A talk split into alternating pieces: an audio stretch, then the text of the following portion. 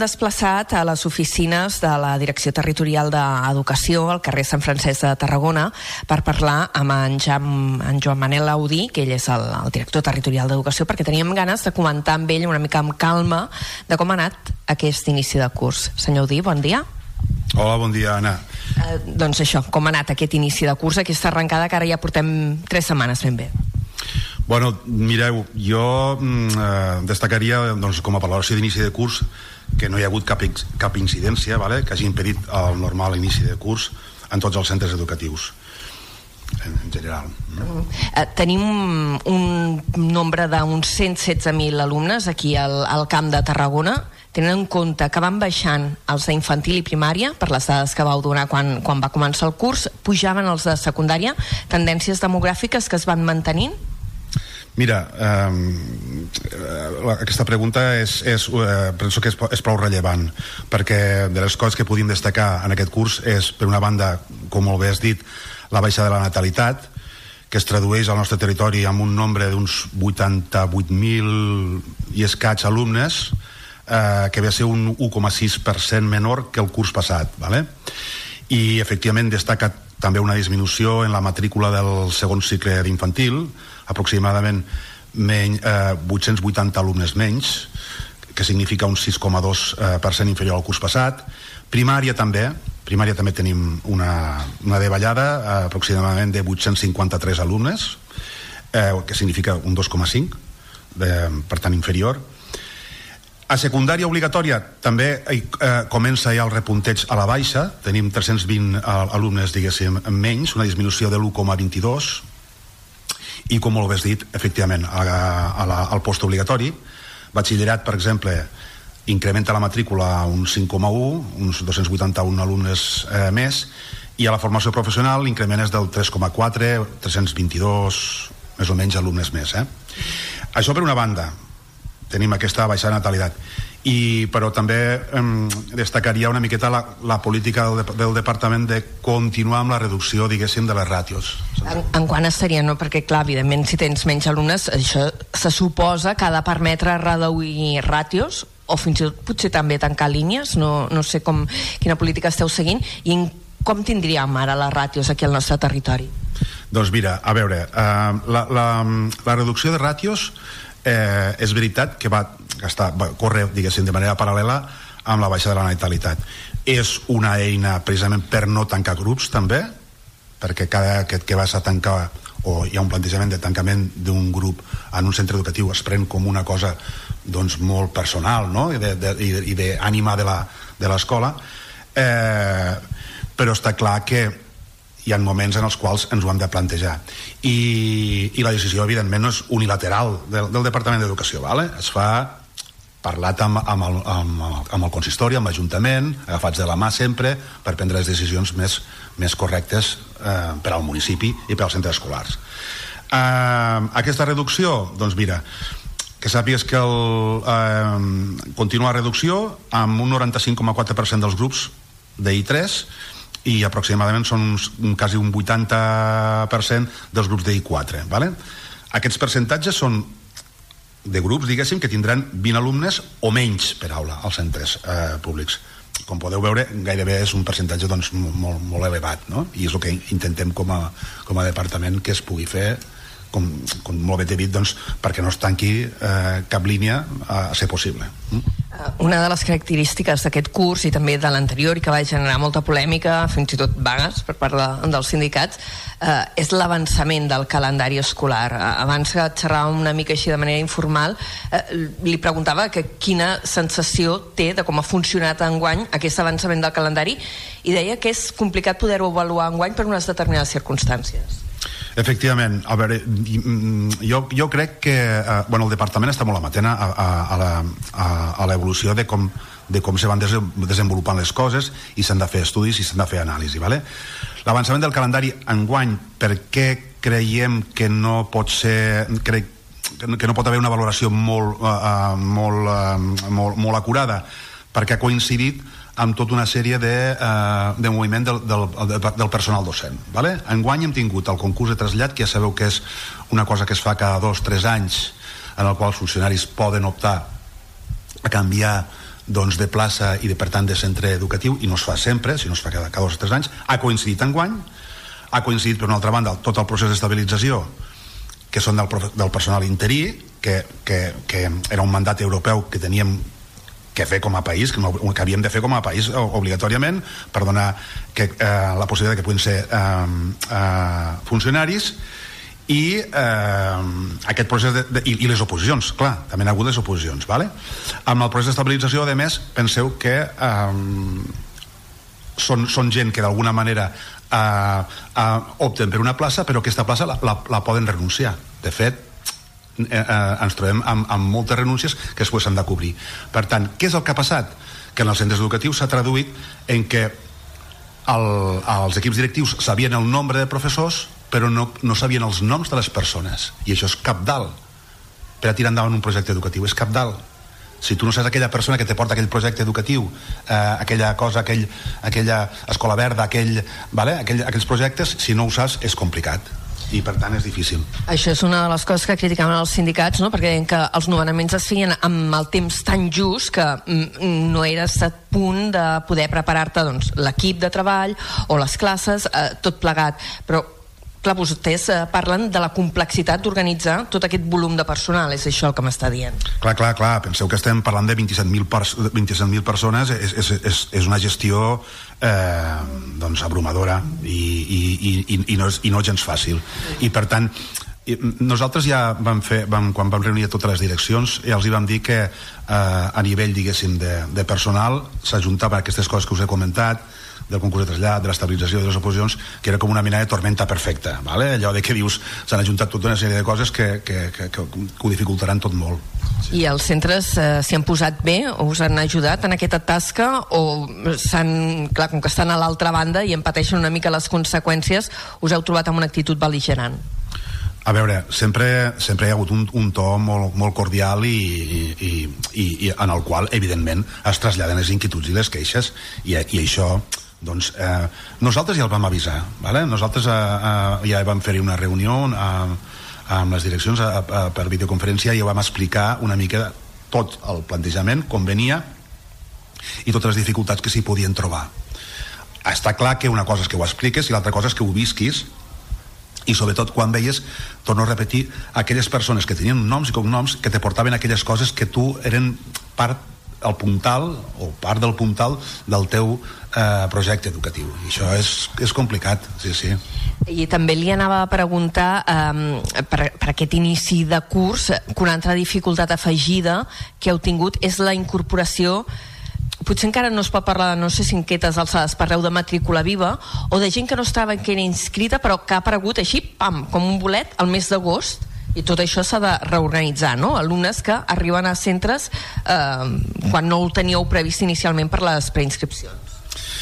Sí, mira, això és una cosa que, que a més és molt irregular, perquè clar, o sigui, tu pots establir una sèrie de, de càlculs d'acord amb, amb un padró, ¿vale? i tu t'ajustes, aquesta planificació, t'ajustes al padró, en un període concret en un període concret. Què ens trobem? Ens trobem en municipis bàsicament costaners en els quals hi ha una matrícula viva eh, contínua i de, i de manera molt irregular i això dificulta molt que tu puguis planificar eh, que puguis planificar bé perquè no, no, són nombres que te van variant contínuament Enguany m'havien comentat que havia sigut especialment acusat aquest, uh, aquest cas a Reus i a Salou de, de que havíeu començat el curs amb molta més gent de la que s'havia previst quan, quan s'havia tancat el curs passat. Bueno, crec que són dos casos diferents. Val? En el cas de Reus eh, tenim que tres, quart, eh, tres quartes parts de les, eh, de les famílies de, eh, de matrícula IVA doncs això, són de, de canvis de centre i de residència, vale? i que una quarta part de les famílies eh, doncs se'ls se va passar simplement el període de, de preinscripció i matrícula. I això, bueno, és un problema relativament greu, perquè més o menys tens un càlcul aproximat de, de les places que pots tenir. Vale? L'altre cas és, eh, per exemple, el cas de Salou, que Salou és més complicat, i és més complicat perquè, a banda del degoteig de la matrícula viva, que més o menys pots anar preveient, eh, és, és també centre de refugiats. En el seu moment vam rebre eh, doncs, moltíssims alumnes eh, ucraïnesos que vam haver de buscar doncs això, eh, escolaritzar-los, evidentment, i, i sempre hem d'estar com a amatents a que puguin arribar altres, eh, altres eh, altra població, diguéssim, refugiada i que, i que evidentment la canalla li hem de donar-li una resposta. En, darrerament han estat 28 per exemple mmm, alumnes que ens han vingut de Centroamèrica que alguns a més eh, venen s'acaben quedant estan, venen el que se'n diuen fase zero la Creu Roja ho des, eh, són com unes fases que diguéssim eh, establertes per, per, per dir en quina situació estan aquella, aquelles persones refugiades. Estan en fase 0 vol dir que en qualsevol sem, sem, moment se'n poden anar. Vale? De fet, d'aquests 28 que al final els hem aconseguit escolaritzar, 8 ja han marxat per això li dic que això és, és, és molt, molt complicat, és molt complicat. Uh, I abans, quan parlàvem d'aquest inici de curs i parlàvem de la tempesta perfecta, dels processos d'estabilització, de, la, de professorat, de les oposicions que hi ha hagut, parlem una mica de com ha anat tot plegat. El procés d'estabilització d'aquest eh, personal interí que porta molts anys i que podien entrar mm, per mèrits, uh, s'ha acabat ja o en quina fase ho teniu? Ara, ara és, eh, bueno, és que, clar, fixeu-vos que hem fet, hem fet les oposicions, ¿vale? I, i bueno, ara us explicaré una miqueta tot el tema de les oposicions però clar, penseu que tenim 6.443 aproximadament uns 6.000 gairebé 900 a 200 en centres públics, un increment doncs, de, ha hagut per tant de 60 Sou professors nous sí, sí, sí, sí, respecte a l'inici de curs vale? quan es va rebaixar l'hora lectiva que també ho recordo perquè també és una cosa que, que el departament ha intentat vetllar en la mesura del que ha estat possible d'anar revertint totes aquelles retallades famoses vale? eh, que en el seu moment es van fer i una de les més importants era l'hora lectiva i això clar és, no, no ha sigut gens fàcil perquè clar fer que treure una hora, com se pot imaginar a cadascun dels docents, vol dir que per tant has d'anar posant eh, més professors efectivament, vale? eh, bueno, i en tot això doncs clar has d'anar al mateix temps cobrint totes les vacants que es produeixen i totes les vacants que, que es produeixen doncs, eh, bueno, poden ser més o menys difícils de cobrir val?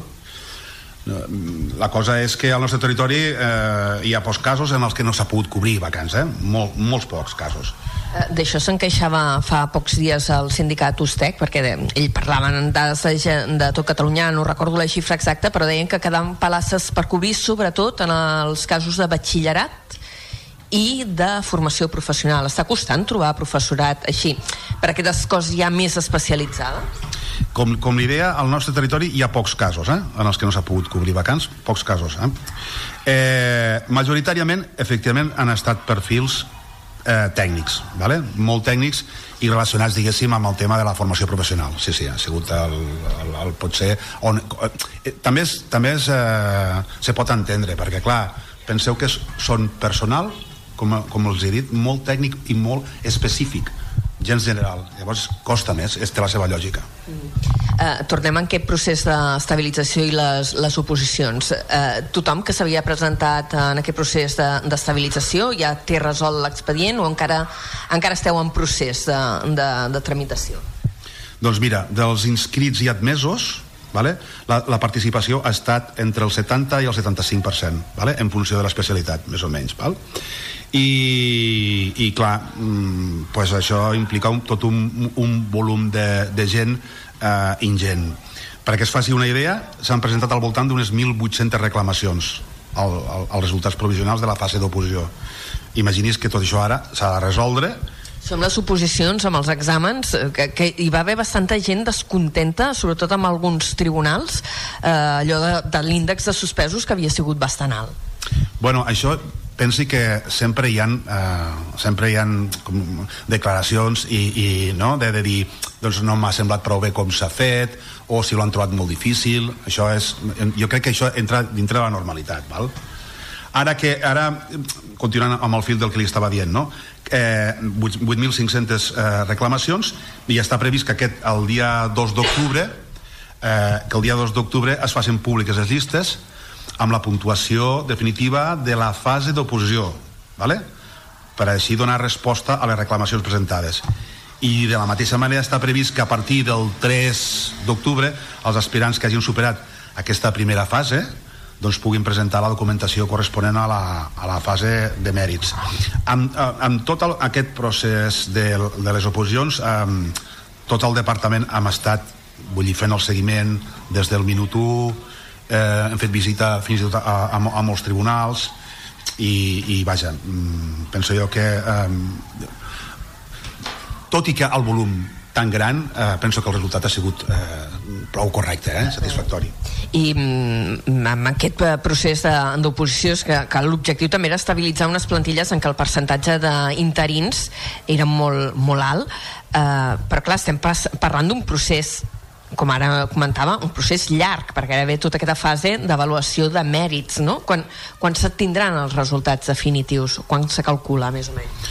Eh, bueno, una miqueta la, la idea és el que us acabo de dir, eh? El 2 d'octubre es faran a, a públiques, i llavors amb el, amb el 3 eh, mm, eh, es, es, eh, els aspirants això doncs, que, que ho hagin superat presentaran la, la documentació i després ja sortirà la data per, per ja diguéssim eh, com, com quedarà ordenada diguéssim la, la diguem-ho així la llista eh?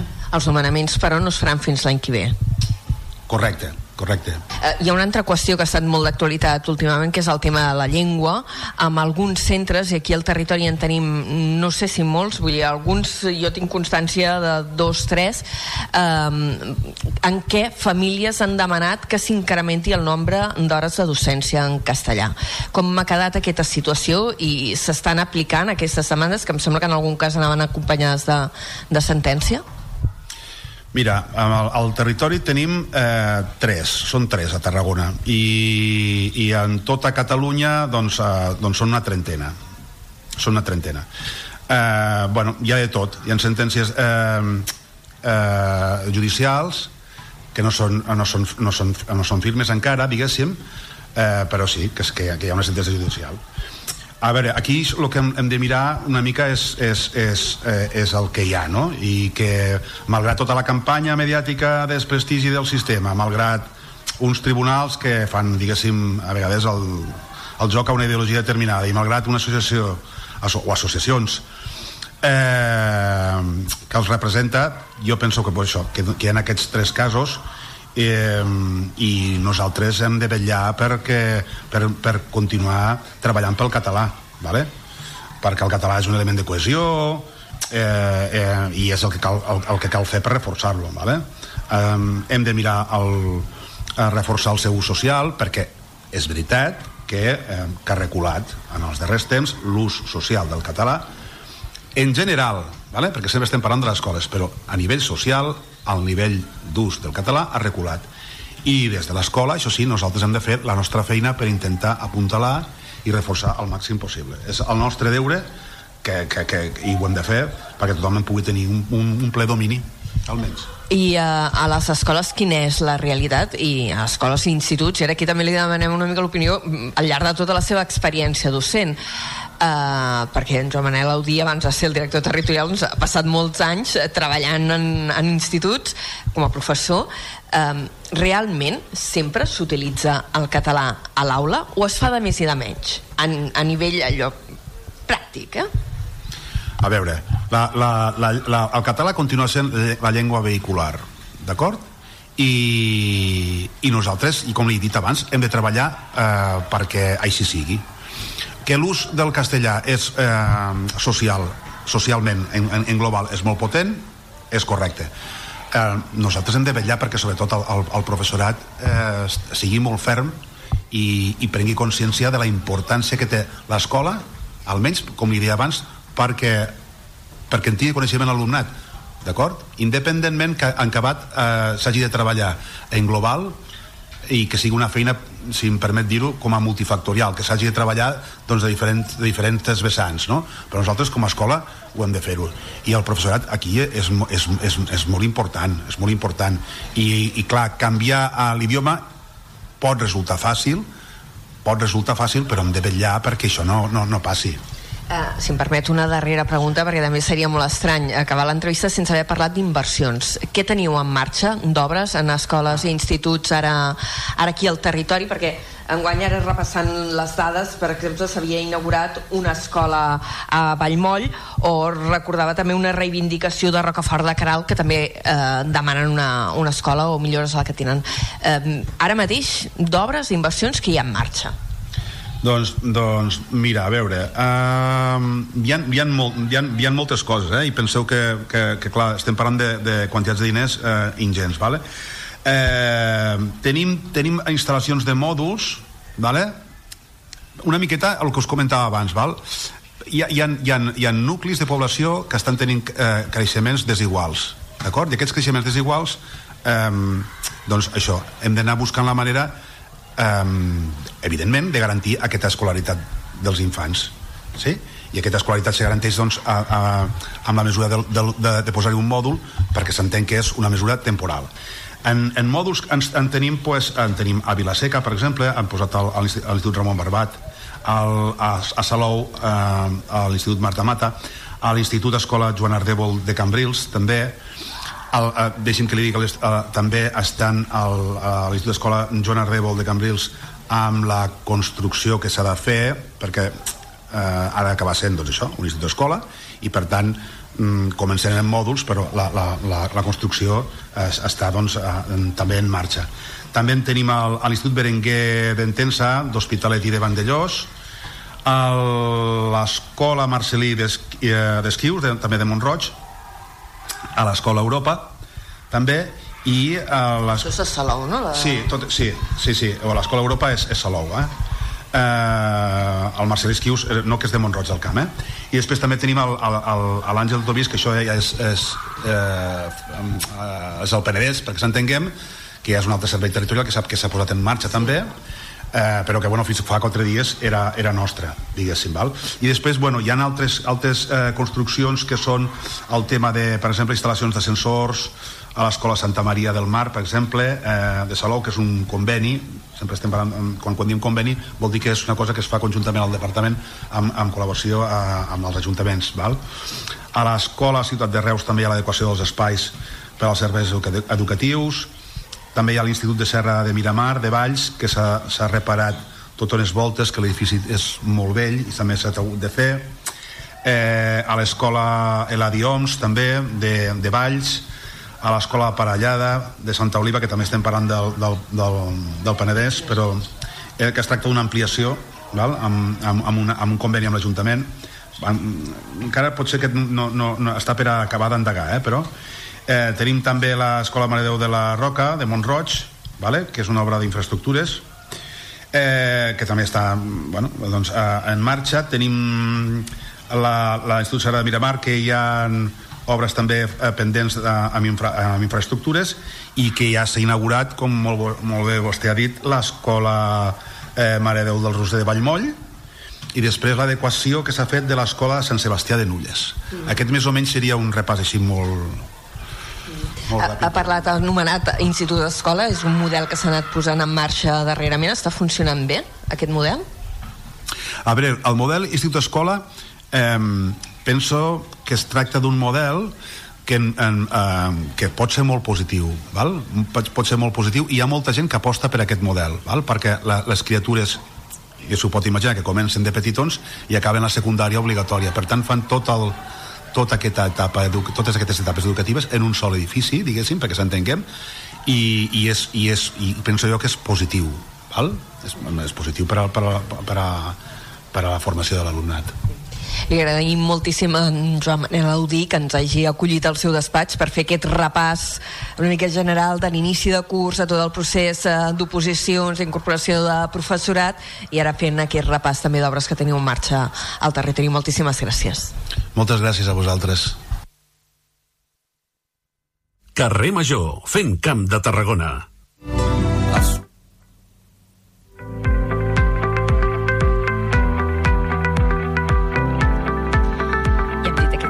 Està enregistrant-se, estem anant una miqueta més tard del que seria habitual i t'hauré de buscar una música, Paula Espel, perquè aquesta és massa sèria per tu. Una mica, una mica. ja buscaré.